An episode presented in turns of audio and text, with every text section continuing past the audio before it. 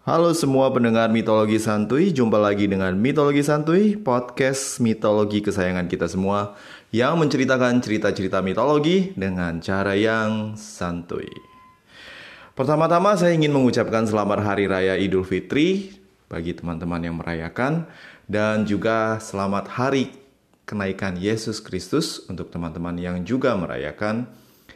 Walau sudah telat sebenarnya, uh, well, yang penting kan niatnya. Semoga sobat-sobat mitologi santuy selalu berada dalam lindungan dan juga cinta kasih Tuhan. Gue juga ingin berterima kasih kepada para subscriber baru dan sekarang kita sudah memiliki 716 subscriber untuk podcast mitologi santuy ini. Sungguh gue ngerasa bener-bener terharu dan gue senang banget hasil karya gue di podcast ini lumayan juga ada yang dengerin. Padahal gue cuma iseng-iseng doang awalnya, tapi ternyata, well, gue keterusan dan udah hampir setahun. Um, setiap minggu nyaris sih, gue terus-terusan uh, upload cerita-cerita mitologi untuk kalian semua. Anyway, um, mitologi santuy juga ada uh, Instagram accountnya, namanya mitologi santuy. Jadi jika kalian tertarik ngelihat gue bikin cerita-cerita pendek atau meme atau you know sharing berita-berita terbaru tentang podcast ini, ya silahkan aja follow gue di mitologi santuy. Dan buat kalian yang kepengen mendukung gue secara finansial alias jadi uh, patron atau um, supporter, silahkan ke laman traktir gue yang ada di description dari tiap episode dan dengan hanya 15 ribu saja kalian sudah bisa bikin gue semangat buat bikin podcast-podcast yang lebih berseru, yang lebih berseru, yang lebih seru dan juga bermutu. Oh iya, hmm, dengan traktir gue, lu juga bisa dapat uh, konten-konten eksklusif khusus uh, buat yang traktir ya. Dan gue banyak masukin kayaknya um, cerita-cerita yang udah gue masuk, udah um, gue upload di podcast juga cuma memang ada beberapa storyline yang berbeda dan juga ada juga yang khusus hanya ada di laman traktir. Jadi kalau kalian tertarik untuk menikmati konten eksklusif silahkan mampir ke laman traktir dan juga traktir gua kopi gak juga nggak apa-apa. Jangan salah ini akan terus podcast ini akan terus gratis. Namun jika kalian mau jadi supporter boleh juga. Oke. okay. Alright, mari kita lanjut dengan episode selanjutnya dari kisah Hercules, Amarah dan Bucin.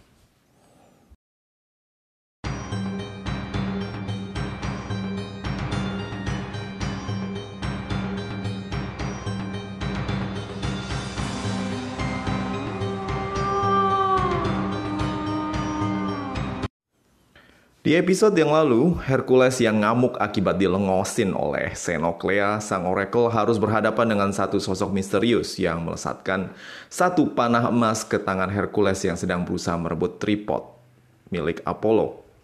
Sosok misterius yang menghentikan aksi nekat Hercules tersebut tidak lain tidak bukan adalah sang dewa matahari Apollo. Apollo yang biasanya ramah terhadap Hercules nampaknya sangat marah melihat adik tirinya tersebut berbuat ulah di tempat sucinya. Maklum, tempat suci Apollo yaitu kuil Delphi adalah tempat yang harus bersih dari segala tindak kekerasan.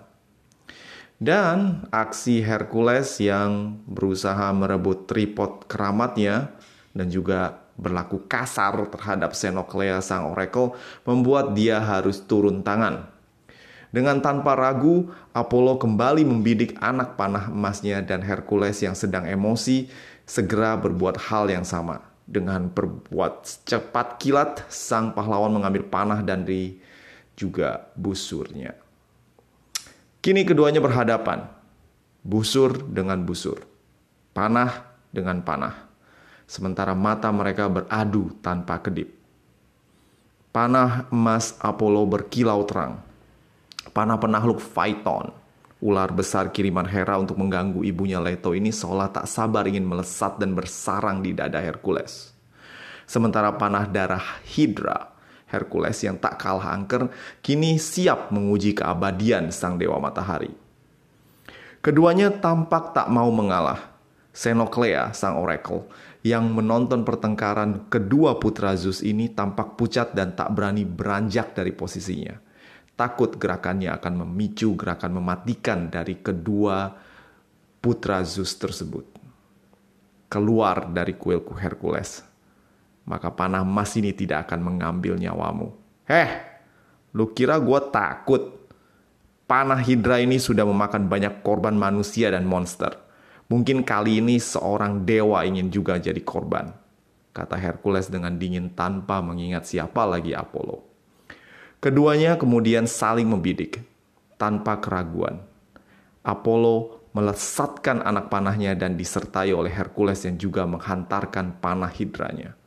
Pada saat kedua panah tersebut melesat dan berpapasan, sebuah kilat menyambar dari langit dan memusnahkan kedua anak panah tersebut. Hentikan semua ketololan ini.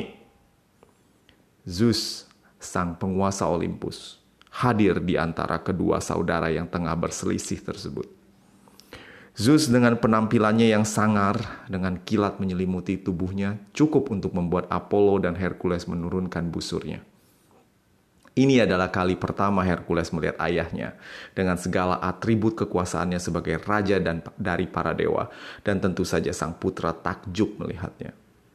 Sementara Apollo yang memang sering berselisih dengan ayahnya sendiri tampak seolah tak peduli dengan kehadiran ayahnya walaupun dirinya tetap menaruh segan kepada Zeus. Kalian semua bersaudara. Hah? Tidak perlu berkelahi lah untuk urusan sepele seperti ini. Sepele. Dia mengacau di kuil suciku, ayah. Ayah bilang sepele. Protes Apollo sambil menaikkan suaranya. Zeus tampak tidak senang mendengar intonasi Apollo yang sangat angkuh.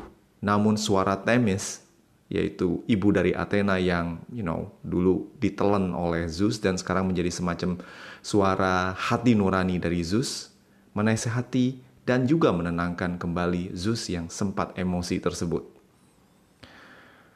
Hmm. Hei, nak. Kenapa kamu datang ke sini dan buat ulah? Gak bisa ngomong-ngomong baik-baik aja sama Oracle? Tanya Zeus kepada Hercules. Hercules yang pertama kali berbicara kepada ayahnya terdiam sejenak. Dirinya yang tadinya berangasan mulai melunak dan menjelaskan pokok penjelasan dari masalahnya. Zeus pun kemudian terdiam dan mengajak Apollo berbicara secara pribadi. Tak lama kemudian, Apollo dengan sedikit kesal kemudian menghampiri Hercules dan memberitahukan apa yang harus dilakukannya. Kau harus menebus kesalahanmu atas darah Ipitus yang kau tumpahkan. Selama tiga tahun, kau harus mengabdi sebagai budak dari Ratu Omphale dari kerajaan Lydia. Kata Apollo. Tiga tahun? Gila kali.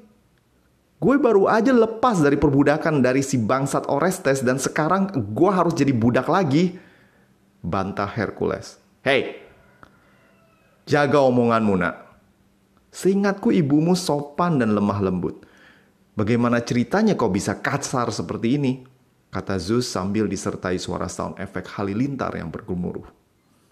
Apollo pun melanjutkan petunjuknya kepada Hercules. Selama tiga tahun, engkau harus mengabdi dengan tanpa mengeluh. Apa pun yang dikatakan oleh sang ratu, kau harus menurut. Dan semua bayaran yang kau terima harus kau bayarkan kepada Euritus sebagai kompensasi atas anaknya yang kau bunuh. Mendengar petunjuk Apollo dan kehadiran Zeus yang begitu mengintimidasi membuat Hercules tak lagi berani bertindak sembrono. Pahlawan 12 tugas maut tersebut yang begitu kuat dan terkenal kini harus mengabdi kembali sebagai seorang budak. Bukan budak seorang raja sekarang, tapi budak seorang wanita, seorang ratu. Pria jantan mana yang tidak merasa terhina karena harus menjadi budak seorang wanita. Segala protes dan kekesalannya harus ditelan bulat-bulat. Hercules menyalahkan dirinya yang dipermainkan oleh nasib. Dari kecemburuan Hera yang membuatnya gila dan membunuh anak istrinya, Sampai emosinya yang meledak-ledak hingga membunuh Ipitus yang sebenarnya sudah seperti sahabatnya sendiri. Segala gejolak amarah dalam dirinya kemudian dilampiaskan dalam bentuk sumpah angkara murka. Suatu sumpah akan membalas kepada pihak-pihak yang telah berbuat tidak adil baginya. Siapa lagi kalau bukan Euritus, Neleus, Augeas, dan Laomedon para raja yang telah berbuat tidak adil kepada Hercules ini akan membayar harga yang sangat-sangat mahal di kemudian hari. Namun, sebelum Hercules dapat membalaskan dendamnya, dirinya harus menebus kesalahannya. Hercules harus pergi ke timur, di sebuah daerah yang bernama Lydia, yang kini dipimpin oleh seorang ratu bernama Omphale. Omphale adalah seorang putri dari Dewi Sungai dewa sungai, sorry, yang bernama Yardanus. Omphale dipersunting oleh Temolus yang merupakan penguasa pegunungan Lydia. Namun pernikahan ini berlangsung singkat karena sang suami somehow terbunuh ketika berburu banteng liar. You know, orang gila mana yang berburu banteng liar sendirian dan akhirnya, well, Temolus diseruduk dan mati. Eh, Om Vale yang sekarang menjanda mewarisi kerajaan milik suaminya dan memerintah dengan bijak.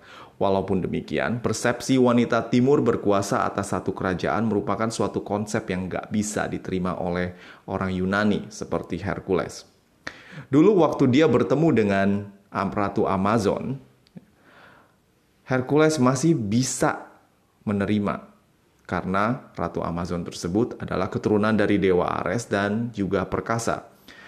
Walaupun dalam hatinya dirinya tidak bisa melihat atau tidak bisa menganggap bahwa seorang wanita bisa menjadi seorang yang berkuasa atas satu kerajaan yang besar.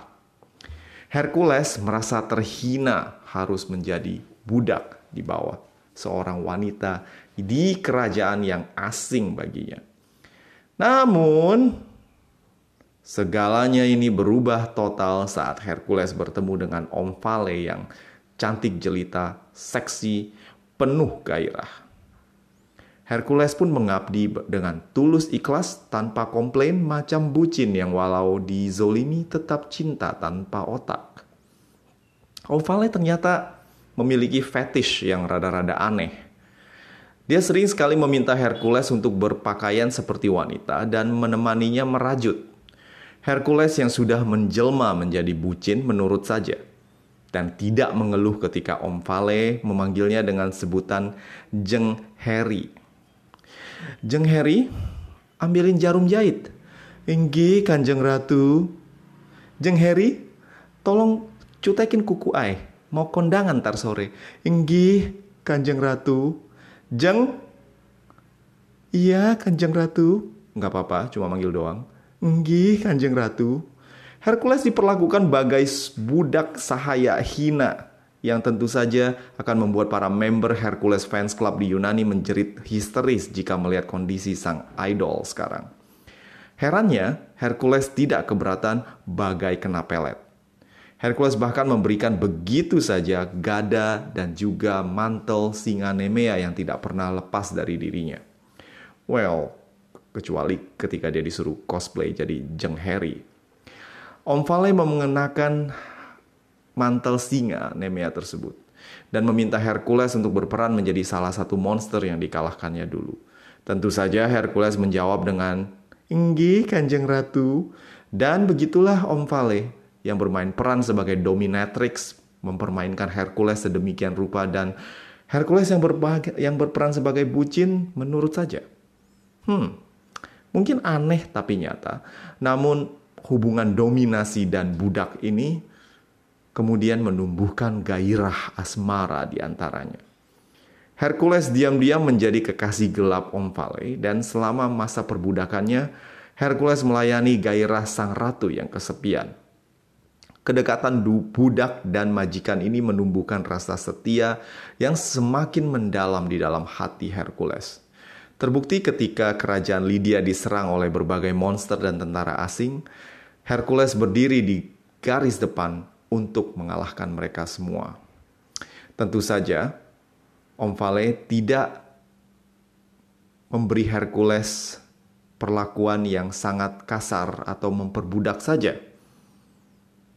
Mungkin di siang hari Hercules berperan sebagai seorang pahlawan, namun pada malam hari Omphale membalas jasa Hercules dengan kehangatan dan juga permainan role play erotis yang kemudian hari menghasilkan seorang anak bernama Agelaus. Agelaus ini merupakan nenek moyang dari Croesus. Ini bukan tokoh uh, fiksi, tapi tokoh yang ada dalam sejarah. Croesus adalah Raja Lydia yang merupakan raja terkaya di dunia pada zamannya. Dan Croesus ini pula yang menurut sejarah adalah penemu koin pertama kali dalam kerajaan di berbagai wilayah dunia Croesus memperkenalkan mata uang dalam bentuk koin. Nah, usai menunaikan tugasnya sebagai bucin selama tiga tahun, sang ratu dengan berat hati melepas Hercules. Hercules yang kini memperoleh kemasyuran di kerajaan Lydia telah dianggap oleh penduduk dari kerajaan Lydia yang kaya raya tersebut bagaikan seorang raja. Harta yang diterimanya dari Omphale kemudian dikirimkannya kepada Euritus sesuai dengan petunjuk Apollo. Namun, Euritus yang masih berduka menolak mentah-mentah pemberian Hercules. Aku kehilangan putra tunggalku, dan bajingan itu mau membayarnya dengan gaji tiga tahun. Sorry, uang tidak bisa menebus darah. Demikian kata sang raja yang masih berduka tersebut. Apa pun sikap dan reaksi sang raja, Hercules tak menghiraukannya lagi. Terbebas dari hukumannya, Hercules kini gantian akan membalas dendam kepada pihak-pihak yang telah menyinggungnya. Sang pahlawan kini dengan bantuan pasukan kerajaan Lydia dan Tirins, dan juga sokongan dana dari kerajaan Lydia yang luar biasa, you know, sedikit uh, fakta. Kerajaan Lydia ini sangat kaya karena ada sungai, ya, ada sungai Pactolus di sana yang kaya dengan emas bahkan sampai sekarang. Jadi di daerah Lydia itu di daerah Turki sekarang di daerah Lydia ini ada sungai yang namanya Potlokus. Eh, kok gue ulang lagi. Sungai ini kaya dengan emas. Menurut legenda, Raja Midas yang dulu dikutuk oleh uh, Dionysus karena dia ingin apa pun yang disentuhnya menjadi emas, terbebas dari kutukannya setelah mandi di sungai ini dan serpihan emas dari tubuhnya itu mengendap dan kemudian menjadi sumber emas bagi kerajaan Lydia. Konon ya, ini legenda, so bukan sejarah. Tempatnya sih beneran, tapi untuk ceritanya, hmm, well, it's a myth. Nah, Hercules yang setelah menjadi bucin, sekarang kaya raya, punya pasukan, dan sekarang misinya adalah membalas dendam. Sang pahlawan kini dengan bantuan pasukan kerajaan Lydia, dananya, dan juga pasukan dari kampung halamannya Tirins dan juga dukungan dari Hercules Fans Club bergerak untuk menghantam Euritus, Neleus, Augeas, dan Laomedon. Bagaimana kelanjutan dari misi balas dendam sang pahlawan? Mari kita tunggu di episode selanjutnya. Dah.